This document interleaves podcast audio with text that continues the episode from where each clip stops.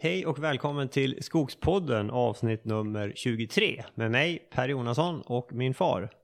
Bo Jonasson. Ja Bosse, idag sitter vi på midsommardagen i ett eh, somrigt och vackert eh, Bergslagen och idag ska vi prata om en sak som vi inte har pratat så mycket om tidigare i podden.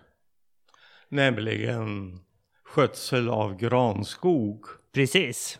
vi har ju ofta pratat mycket tallskog och eh, det är väl där kanske våra hjärtan eh, brinner mest för. Men vi har ju väldigt mycket granskog också.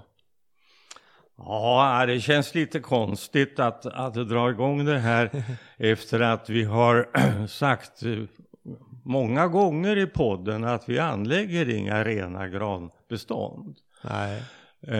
Men icke desto mindre, på fastigheten så finns det 36 hektar sammanhängande planteringar. Planteringar med eh, gran, eh, planteringar som gjordes åren 1962 och 63. Det är lite intressant för där har du varit med under hela den cykeln så vi ska passa på att titta lite grann på hur man kan värdera skog också eftersom du var med och planterade den och du har varit med och avverkat del av den. Vi vet hur mycket skog där stod 1962 och vi vet nästan precis hur mycket skog som står där nu också. Ja, så det här avsnittet kommer handla om granskogsskötsel och värdering. Men innan vi hoppar in på det här avsnittet Bosse så ska vi tacka vår sponsor Husqvarna. Husqvarna är som ni känner till den ledande tillverkaren av utomhusprodukter såsom motorsågar, röjsågar, häcksaxar, gräsklippare i olika varianter och trimmers. Just deras batteritrimmer har vi kört en, en del nu på sistone och det är en produkt som vi gillar riktigt skarpt. Den vi har kört är den som heter 536 LX och vi använder ju det här stora ryggbatteriet på 26 ampere som heter BLI 940. Och här tycker jag Husqvarnas batteriprodukter visar ju att eh, de är, de är väldigt innovativa och satsar mycket på utveckling. Det här att trimma med en, en batteridriven produkt och ha en elmotor är ju överlägset anser jag jämfört med en eh, bensinmotor. En elmotor har ju en verkningsgrad på upp mot 90 procent jämfört med en bensinmotor som kanske ligger runt 30 procent och resten det, det kyler man bara bort. Plus att elmotorn kan du göra så mycket mindre, så den sitter ju precis ute vid linorna där kraften behövs. Så du har ingen transmission eller växlar eller kuggväxlar som vibrerar eller går sönder eller kräver underhåll, utan den lilla, lilla motorn sitter längst där ute och det är så smidigt. Det här är någonting som vi använder och eh, jag tycker att eh, ni ska ta och kika på det här om det kan vara något för er. Så besök en Husqvarna återförsäljare och titta på produkterna där. Oss passar det väldigt bra. Så uh, kolla in om det kan vara något för er också. Ja. Alright Bosse, då tycker jag vi hoppar in på skötsel av granskog. Vad skulle du säga är det som skiljer sig då från uh, det vi har pratat om tidigare med mycket tallskog och blandskogsskötsel? Eh, det viktiga när det gäller granskogsskötsel det är att minimera rotrötan mm. och att bygga ett eh, starkt bestånd som står emot stormar. Och sen ska man också gallra i lagom omfattning. Man ska akta sig för att gå in i gamla granskogar och gallra sönder dem. Mm. Eh, men det där återkommer vi till. Eh, vi kan... Eh, Gusselborgsskogen i stort, det, det, består av ett rejält skogsskifte eh, på moränmark. Men sen finns det dessutom ett separat skifte som tidigare var eh, odlad mark. Mm. Det ligger helt separat ifrån skogsskiftet. Och på det här har vi drivit en intensiv granskogsskötsel sedan 1962. Eh, arealen på det är 36 hektar. 19 hektar av det var före detta åker. Och 17 hektar det var skogsmark som hade kreatursbetats. Får man anta under mycket långa tider. Mm. Eh, och där stod, eh, har jag uppskattat i efterhand, 1000 M3SK totalt på hela det här skiftet, 36 ja. hektar. Ja. Alltså 1000 hektar totalt. Och 27 hektar av det här, det planterades. 1000 eh, skogskubikmeter? Eh, jag sa fel där. Du sa 1000 hektar, tror jag. Ja. 1000 skogskubikmeter, ja visst. Eh, eh, eh, vi planterade alltså 27 hektar av det här. Mm. Och det var fyraåriga barrotsplanter som gällde på den tiden. Och 9 hektar det föryngrades naturligt under den här glesa restskogen som stod där. Ja. Eh, och de här eh, 27 hektaren, de har gallrats en eller allra högst två gånger. Mm. Vi har varit sparsamma med gallringarna. Och första gallringen det har gjorts till 1800 stammar per hektar. Mm. Och andra gallringen ner till 1000 stammar per hektar. Och eh, det här har dokumenterats eh, väldigt noggrant. Eh, jag har för varje delbestånd här antecknat bland annat hur många stammar det var i övre kronskiktet när vi började gallra. Mm. Och det var, det var nästan på hela arealen så är det 3000 stammar konkurrerade upp i kronskiktet. Eh, självgallringarna i det här har varit nära noll. Mm. Och alla gallringar har gjorts vintertid. Och har det varit tveksamt här med temperaturen, alltså om temperaturen har varit nära eller över plus fem grader, Mm. så har vi stubbehandlat. Ja. Och eh, den stubbehandlingen ligger ju nu ett antal år tillbaka i tiden och då var det inte pergamentsvabb som gällde utan det var urea. Ja, ja. Just det. Eh, höjden på den här skogen nu den är 25 meter eller högre. Mm. Och den är ju nu slutavverkningsmogen, stora delar av den. Nästan alltihopa är S2, alltså slutavverkningsskog. Du nämnde ju Bosse, 1000 stammar per hektar efter andra gallringen. Det är ju väldigt tätt om man tittar på de här äh, gallringsmallarna som finns. Ja, det är ju ganska högt över gallringsmallarna. Mm. Men du eh, tycker att det funkar? Det funkar uppenbarligen för att eh, självgallringen är alltså noll Mm. eller mycket, mycket nära noll. Ja. Alltså. Och då är det inget problem med att det blir eh, att en del av, av träden liksom inte får någon tillväxt alls. Att de... eh, Det blir ändå timmer av det här. Ja, det, blir, det är ju timmerskog det här alltså, Mm. i, i hög grad. Eh, nej, jag, jag ser inga problem med det här. Eh, jag ser en fördel med det Mm. och det är det att det är stormfast. Ja. Tät, ogallrad granskog, det är, den är stormfast. Ja. Och en, en podd någon gång skulle jag vilja att vi gjorde en inspelning under stark vind Mm. i en sån här granskog. Jag har varit ute och tittat på det här när det har blåst rejält.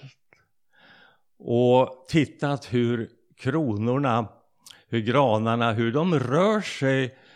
Alla böjer sig inte i vindriktningen samtidigt. Nej. Utan det är en rörelse fram och tillbaka. Som gör att kronorna krockar. Och dämpar rörelsen. Mm. Och, och det här skulle jag, jag skulle vilja filma det här och Mhm. kunna visa. Mm. Och det här är ju då en fördel om, om det står då ganska tätt. Ja visst, helt klart. Alltså. Mm. Ja, Okej, så betydligt tätare än vad gallringsballarna ge, anger. Det, det, det, det, det så vi skött skogen och det funkar bra. Ja, jag rekommenderar det alltså. Vad är det för, eh, hur mycket skog står det då där? Ja, eh, alltså i genomsnitt så står här eh, 460 M3SK per hektar.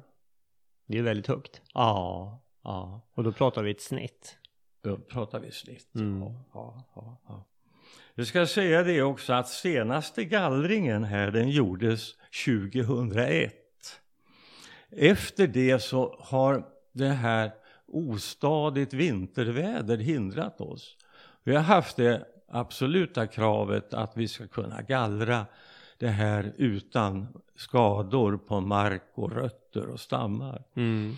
Och vi ska heller aldrig gallra det när eh, det har blivit 20 meter eller högre. Nej. Och det har gjort att efter 2001 så har det inte blivit några gallringar. Nej. Ska också säga det att ett av de här hektaren, en, eh, en separat liten åker, den planterades först 1975 också med fyraåriga barrotsplantor. De är alltså 46 år nu. Uh, ja, förvillas nu inte av det där 46 år, för jag räknar hela tiden in plantåldern Ja, också. just det. Där har vi inte gallrat någon gång. Nej. Utan det står, det står där precis som, som när det planterades. Det är bara det att plantorna har, är inte längre 3 decimeter höga utan de är 25 meter höga. Mm. Men inte heller där är det någon självgallring. Nej. Huh. Jag tycker man ska prata mycket mindre om självgallring Ja. eh, fram, framgent. Jag kommer i alla fall att göra det för att det vill väldigt mycket till för att granarna ska börja dö av trängsel. Mm. Mm. Mm. Eh, 2007 så slutavverkade vi i alla fall eh, 2,5 hektar av den här skogen. Mm.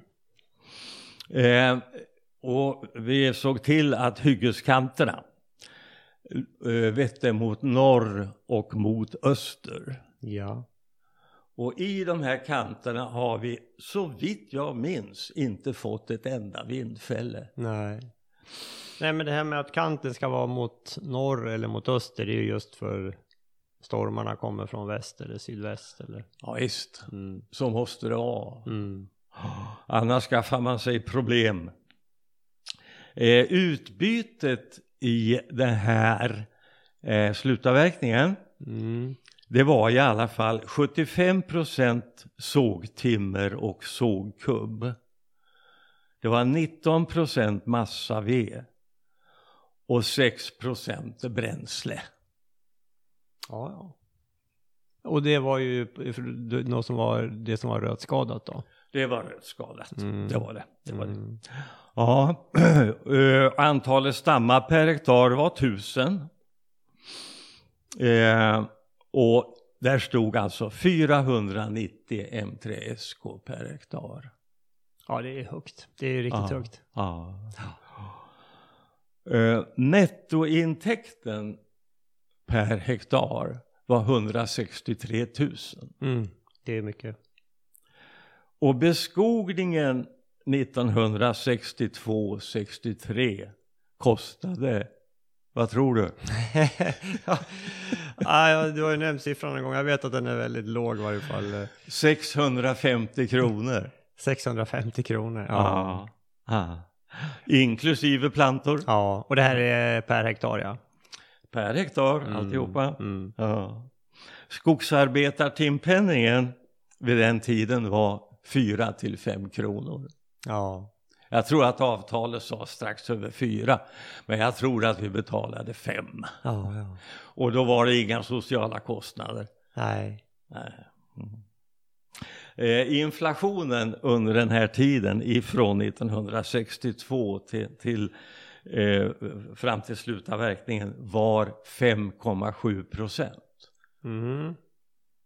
Det, skulle var alltså ökningen, den årliga ökningen av konsumentprisindex. Stefan Ingves skulle hoppa jämfota av lycka om han fick eh, uppleva det igen.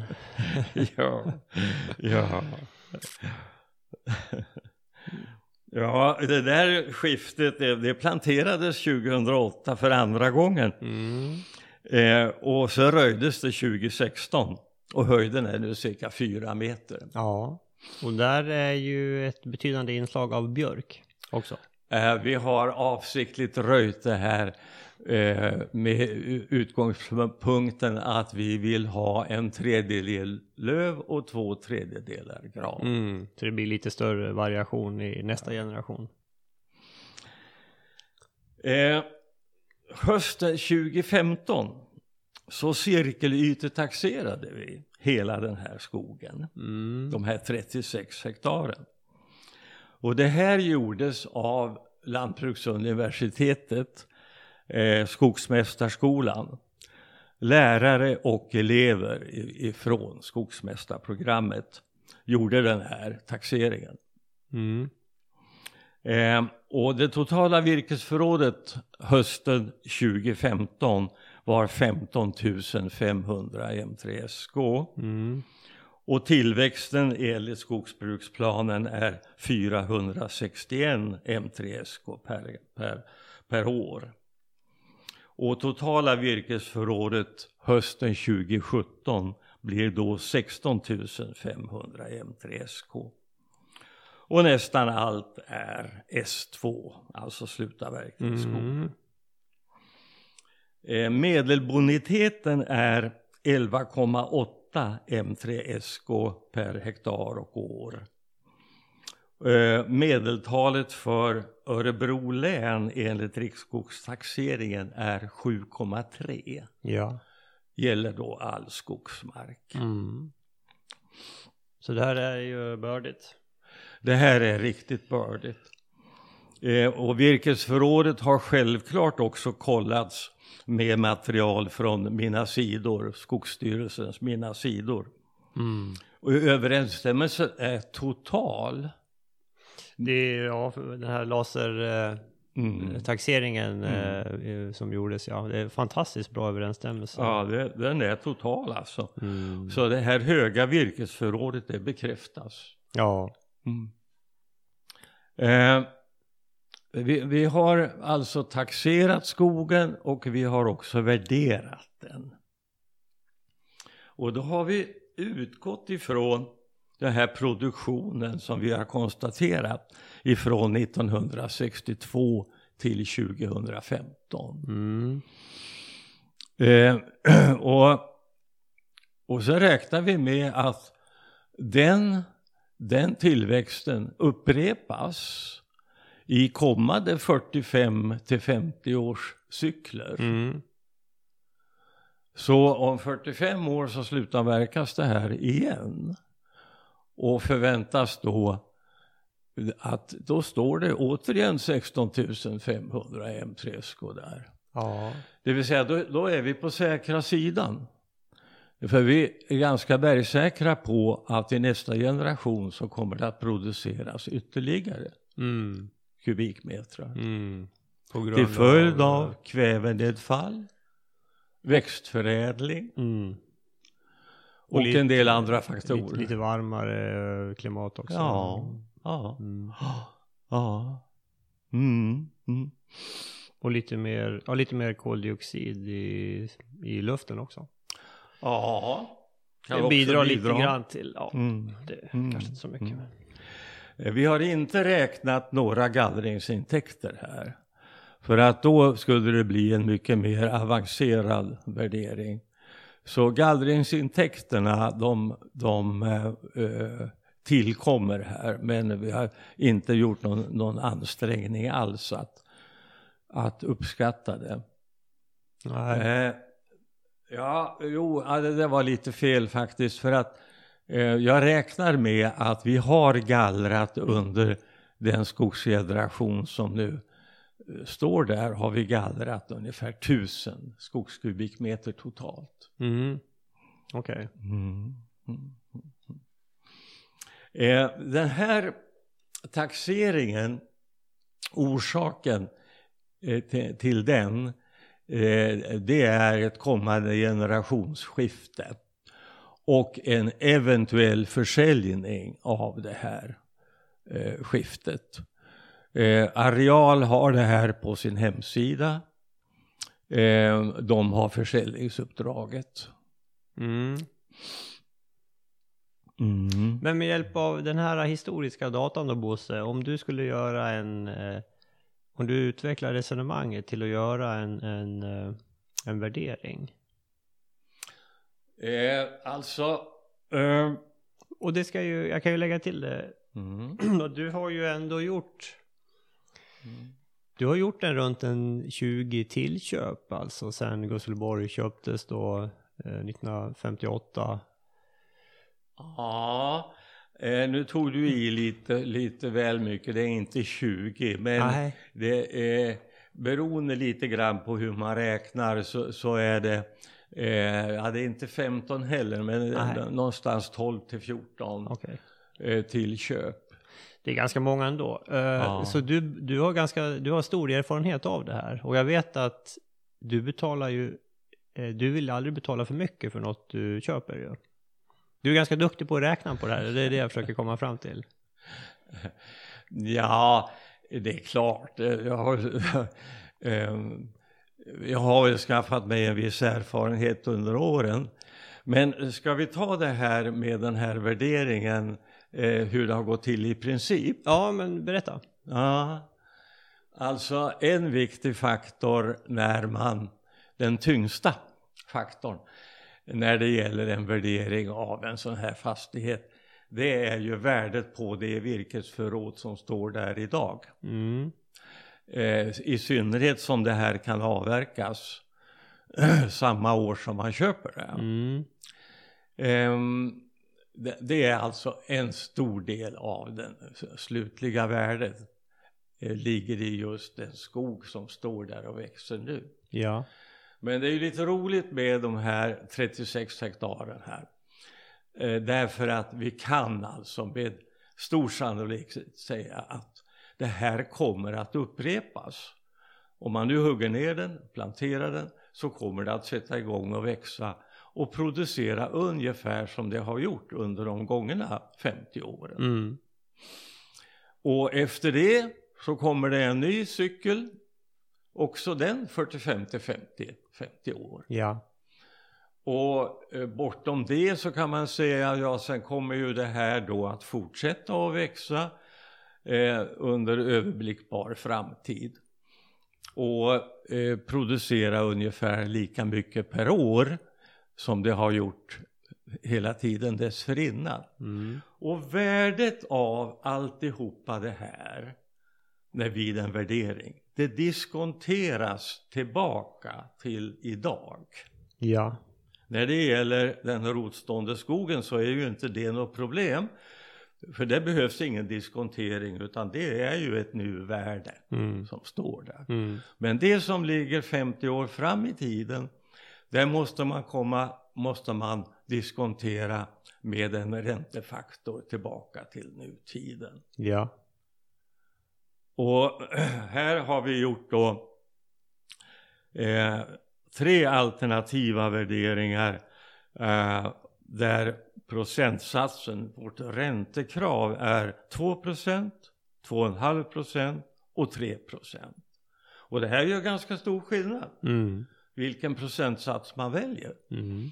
Men eh, eh, jag har lagt huvudvikten faktiskt vid 3% och det är väldigt högt i eh, just sådana här sammanhang då man jobbar med kanske 2% istället. Det är betydligt vanligare än 3 Mm.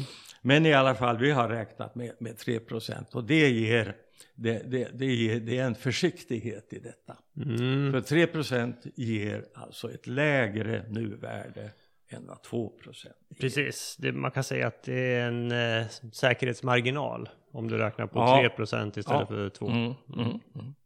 Sen är det självklart att man hela tiden drar av sina kostnader. Så det är nettot i alla led som diskonteras tillbaka till Ja. tid.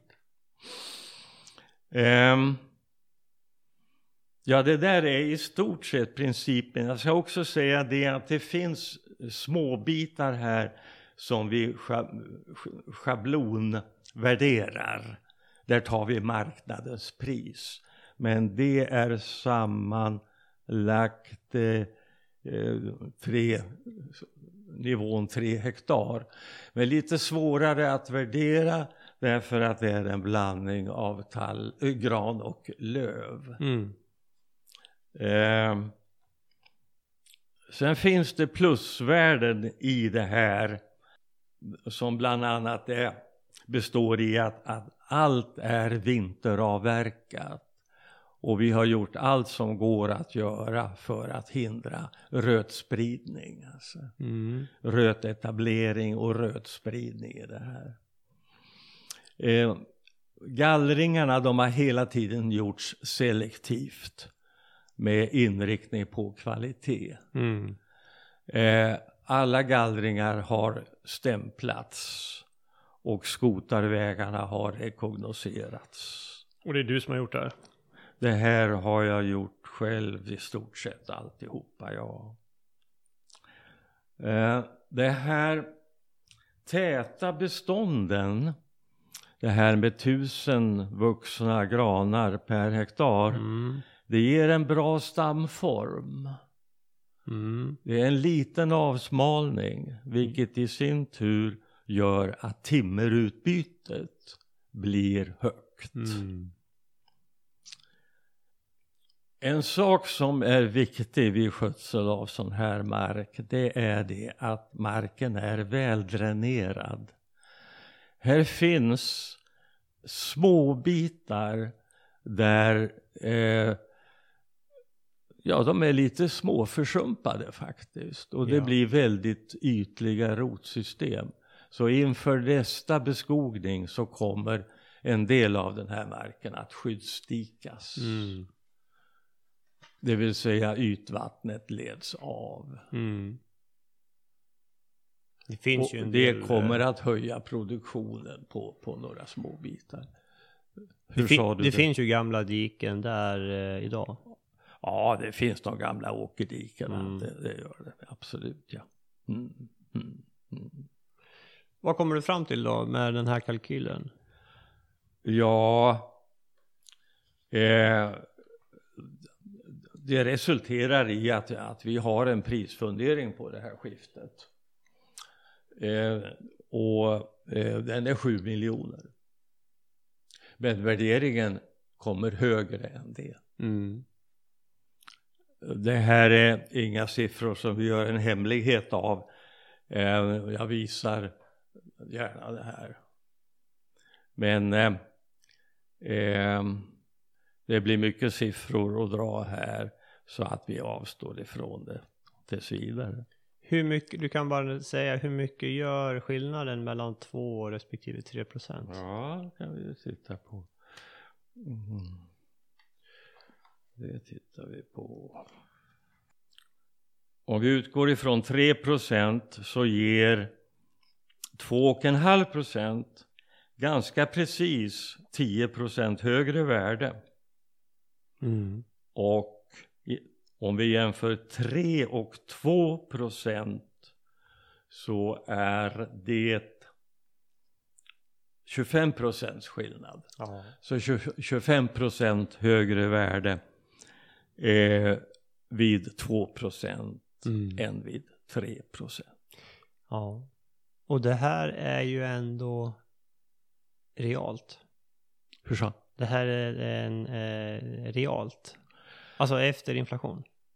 Eller hur ska man säga? Ja, eh, eh, eh, det, det blir samma. Eh, man, eh, det blir ju samma inflation i båda fallen. Jo, men eh, om man säger en, en eh, om man, man, vill, man vill ha en förräntning på, på 2 procent. Är det det, alltså man räknar 2 Mm. procent efter inflation? Ja, eh, förhoppningsvis. Men det här är ju väldigt mycket en fråga om hur prisutvecklingen blir Mm. på skogsråvara. Mm. Jo, det är det ju. Men vi sa ju, du sa historiskt har ju inflationen varit 5,7. Eller den var det då, Ja, alltså ja, från 62 tills nu. ja. Så jag menar, och, och så pratar man 2% förräntning. Då är det 2% ovanpå 5,7. Ja, ja, ja, Det- ja. Jo, men det, vi, ska, vi ska tro det, att, att prisutvecklingen på, på sko, skogsprodukter hävdar sig så pass. Men, men svårt att veta. Så är det ju med all värdering. Det är, Mm. man, man gör ju profetier om framtiden och, och det enda vi vet om framtiden är att vi vet inte vad som kommer att hända. Så jag menar, det här bygger ju på antaganden naturligtvis. Som med all värdering. Ja. För, för att återvända ett ögonblick till det här med granskogsskötsel. Det här jag sa till början med att, att granskogsskötsel det är i mycket stor utsträckning fråga om att minimera röta och bygga styrka mot storm alltså. Mm. Och sen gallra lagom alltså. Mm.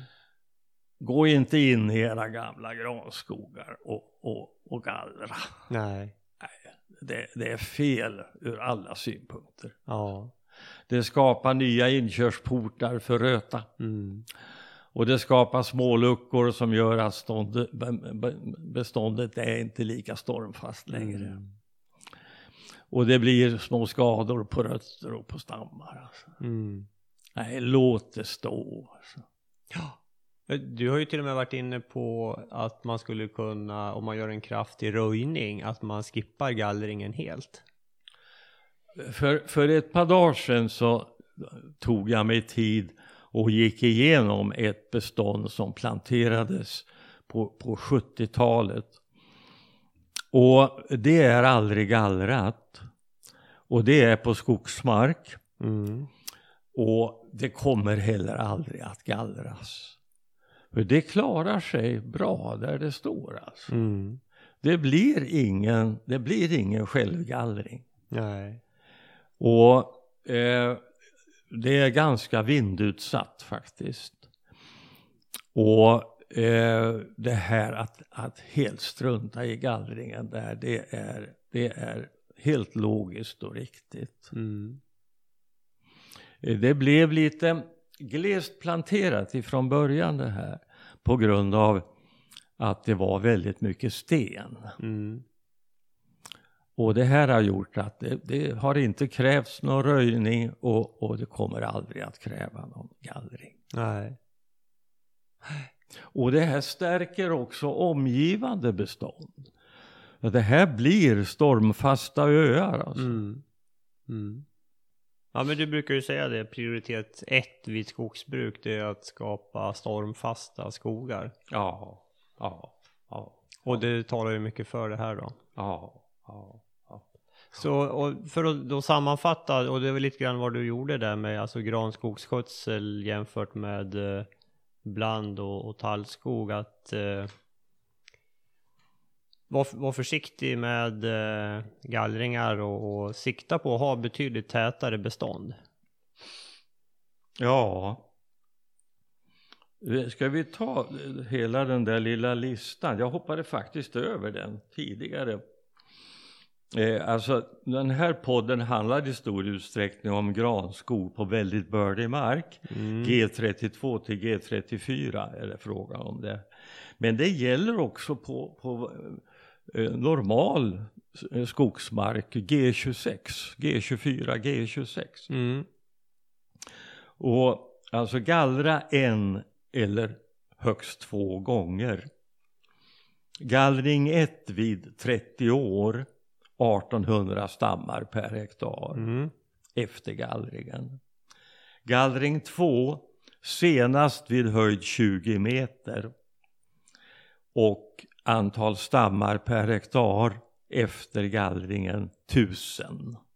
Ja. 1000 stammar per hektar. Mm. Och gallra vintertid. Eh, slutavverka vintertid.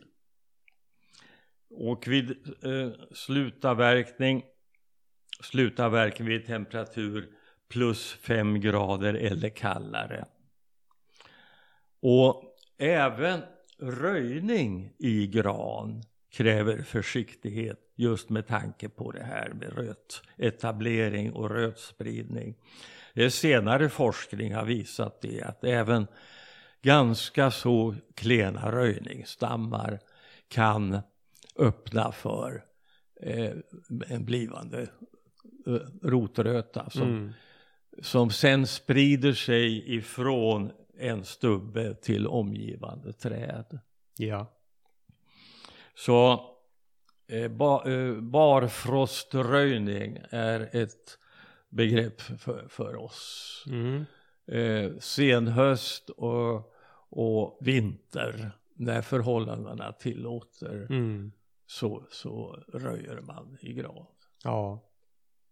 Det har vi gjort en hel del i vintras. Ja. Mm. Mm. mm. Ja, ja, det finns mycket mer att säga. Ja. Eh, men eh, hur har vi det med ja, tiden? vi börjar nog få lite tajt om tid så ja. vi kanske ska runda av där. Ja. Jag tänkte det här med, nu pratar vi värdering, då har vi, vi har ju pratat om det i ett par poddar tidigare, avsnitt 8 och 9. Så där kan man ju också gå och lyssna om man är intresserad av det här. Likadant granens rotröta har vi också pratat om lite mer i en annan, jag kommer inte ihåg vilket avsnitt det är, men det kan ni gå in och kika på hemsidan eh, skogspodden.se. Mm. Men om du har någon eh, avslutande klokhet så får du gärna ta den. Eh, följden av röta i, i, gran kan bli ungefär det här. Eh, man har alltså, man utgår ifrån att det har blivit röta i en gran. Mm. Genom rotkontakter sprids den här rötan till ja. omgivande granar. Vid nästa storm så faller någon eller några av de här rötskadade granarna, för de är ju försvagade. Ja. Den lucka som uppstår när den här rötgranen fallit, den blir angreppspunkt för ytterligare stormfällning. Luc luckan vidgas. Granbarkborrar ynglar i de här vindfällorna. Mm. Och omgivande granar angrips och dödas av den nya generationen barkborrar. Mm. Dessutom eh, så barkborrarna sprider den här svampens sporer. Det är en sen insikt. Att den sprider röt, rötsvampen? Ja. Jaha. Ja, ja, ja. Det var som sjutton. Ja. Det var nytt för mig. Ja, jag har antecknat det med blyerts här efter de här andra grejerna. Eh, så det har tillkommit i senare tid. Jaha. Ja. Då är man, eh, ja det var ju, ja okej, okay. då är just det här med att ta hand om vindfällen extra viktigt då. Mm, gör det lite snabbt. Ja.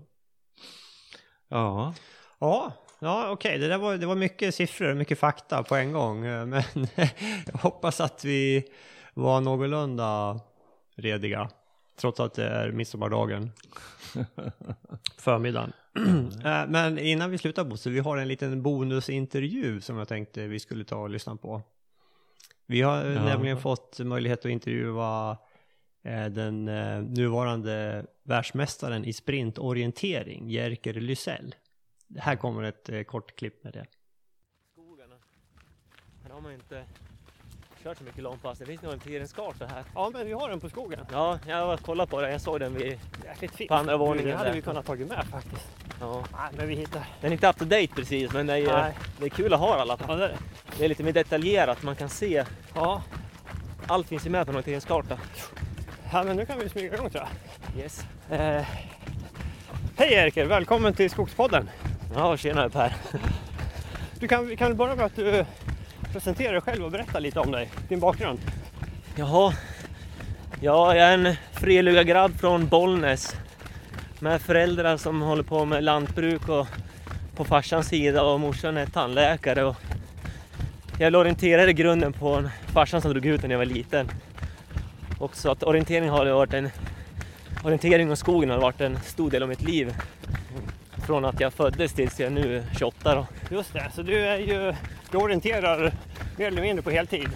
Ja, jag är väl mer eller mindre proffs om man ska säga. Det är väl alltid en definitionsfråga, men jag får det snurra i alla fall. Ja. Och du är alltså regerande världsmästare i sprintorientering? Ja, jag fick en lyckoträff där i, i fjol på hemmaplan i Strömstad. Just det, men du berättade om ert eh, skogsbruk utanför Bollnäs. Ja, det är både på morsans och farsans sida. Farsan är från Bollnäs och morsan är från Arbrå. Ja, Och på farsans sida så det är är det... Lov- han- Lovskrikefallen där utanför Ja, Arbrå. i Arbrå där ja. Ja, det är ju... Det är lite delade meningar om det där. Men där har ni skog. Jajamän, farsan har en del och morsan har en del och det är väl 600 hektar sammanlagt ungefär. Ja, hur, hur aktiv är du i skogsbruket? Eh, ja, alltså man är ju... Först och främst så har man ett intresse så man tränar ju nästan ibland då två pass om dagen i skogen. Ja, Så att man är ju, är ju i skogen stor del av sin fritid och ja, eh, det är där man håller på som jobb. Och plus det så håller ju farsan är lantbrukare med både jordbruk och eh, skogsbruk och eh, morsan är tandläkare men båda äger mycket skog så att ja, det blir väl naturligt att vi har fått ja, röja och sätta plant och ja. de här klassiska arbetena man får göra. Så jag har gick ju någon röjningskurs när jag var liten. Bara för att sådär. Och sen har jag gått faktiskt också tillsammans med min tjej som är eh, barnbarn till Bosse då. Just det.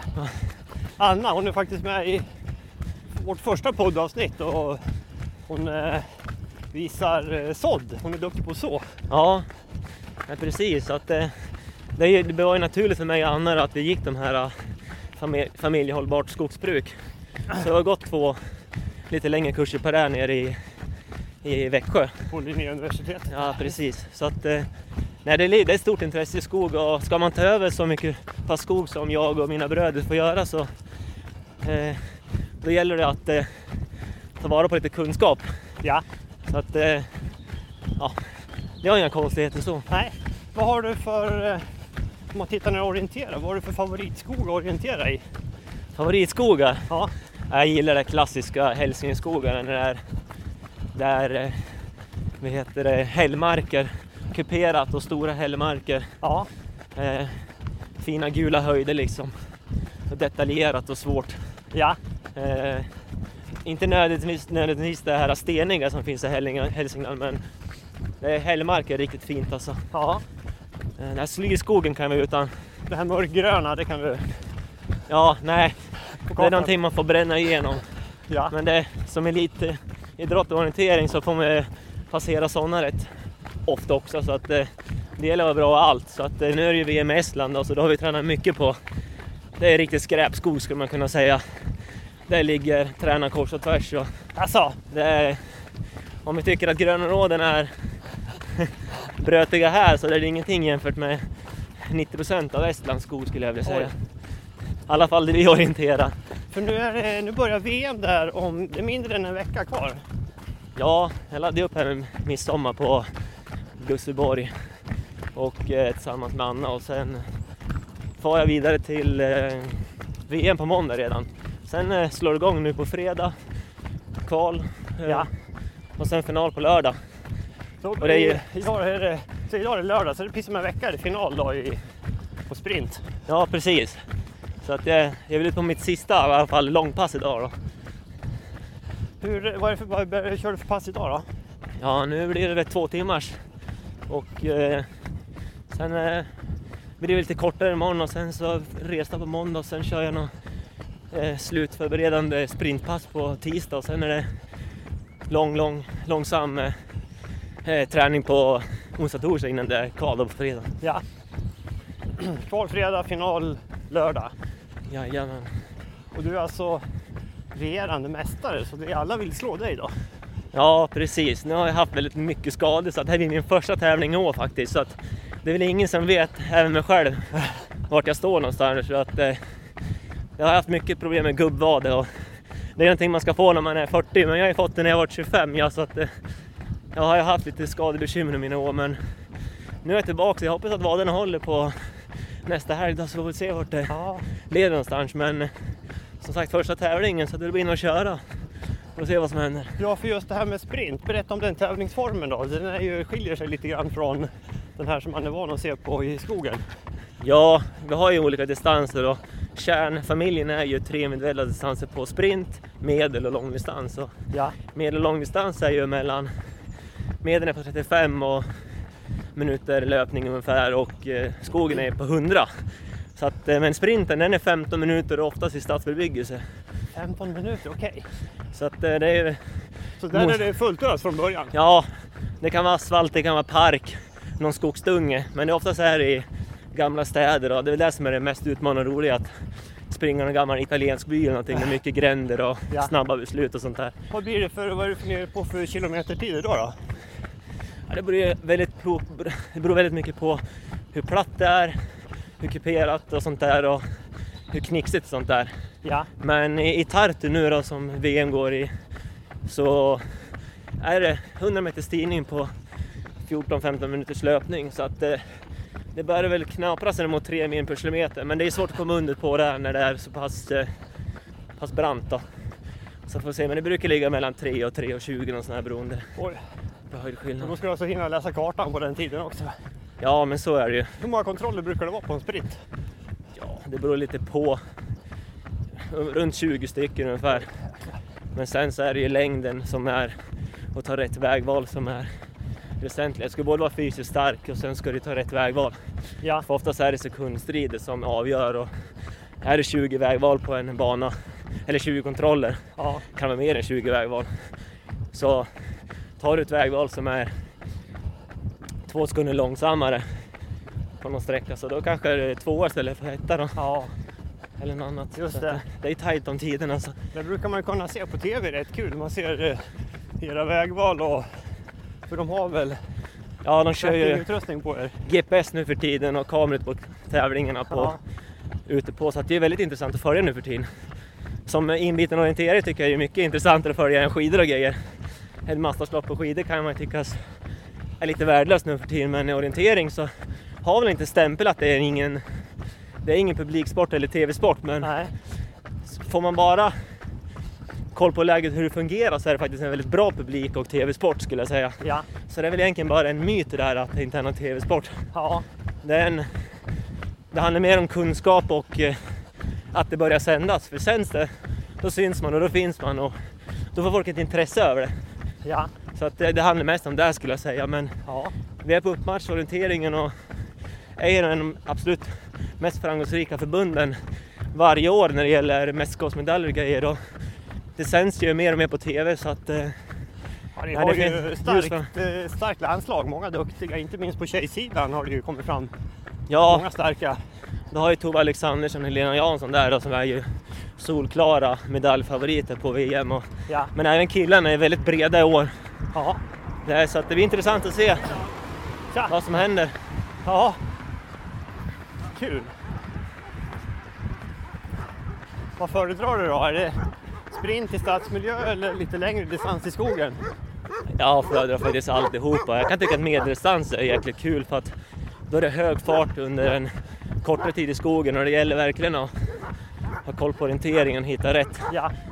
Så att, eh, Men du har haft mest framgång just i sprinten? Ja, nej, jag har väl en naturlig hög fart och talang för den här asfalten och eh, friidrottslöpning om man ska säga. Just det. Jag har gjort mycket landskamper inom friidrott och grejer så att Ja. eh, det ligger naturligt där, eh, löpningen. Så att eh, det har funkat bra sprint men jag är även bra på det andra vill jag tycka då. Men man får gärna en sprintstämpel om man vinner VM med det och inte vunnit det andra så Ja, det får man en specialiststämpel men jag skulle väl säga att det är långt ifrån den hela sanningen egentligen. Då. Ja. Nej, men det blir spännande. Vi. Sänds det här på TV? Ja, man kan följa det på TV4 Sport på fredag, lördag, söndag och även Simor utan reklamavbrott fredag, lördag, söndag. Ja. Sen resterande skogsdistansen som kommer efter i början på veckan där, då kan man se det på TV12. Okej. Nej, men det lär vi ju följa med stort intresse. Stort lycka till i, i VM, Jerker. Ja, tack ska du ha. Ja, så där lät det. Ja, det var väl en bra eh, avslutning på det hela. Eh, innan vi stänger butiken helt Bosse så ska vi tacka vår sponsor Husqvarna också. Kika Ja. in på deras batteriprodukter eh, om ni eh, tycker om att jobba själva i skogen. Vi, numera använder vi bara deras batteriprodukter faktiskt vid allt skogsarbete och det funkar väldigt bra. Besök en återförsäljare och kika in själva på det här. Röjningarna har blivit ett, ett mindre problem. Det har det blivit Ja. Betydligt eh, angenämare att jobba med de här batteriprodukterna, slippa bensinångorna, mindre vibrationer, smidigare hantering, tystare förstås och inte minst bra för planeten. Mm. Mm. Ja, Bra, då tackar vi så mycket för oss och eh, tack för att ni har lyssnat. Vi hörs igen om tre veckor. Tack och hej! tack och hej från mig också.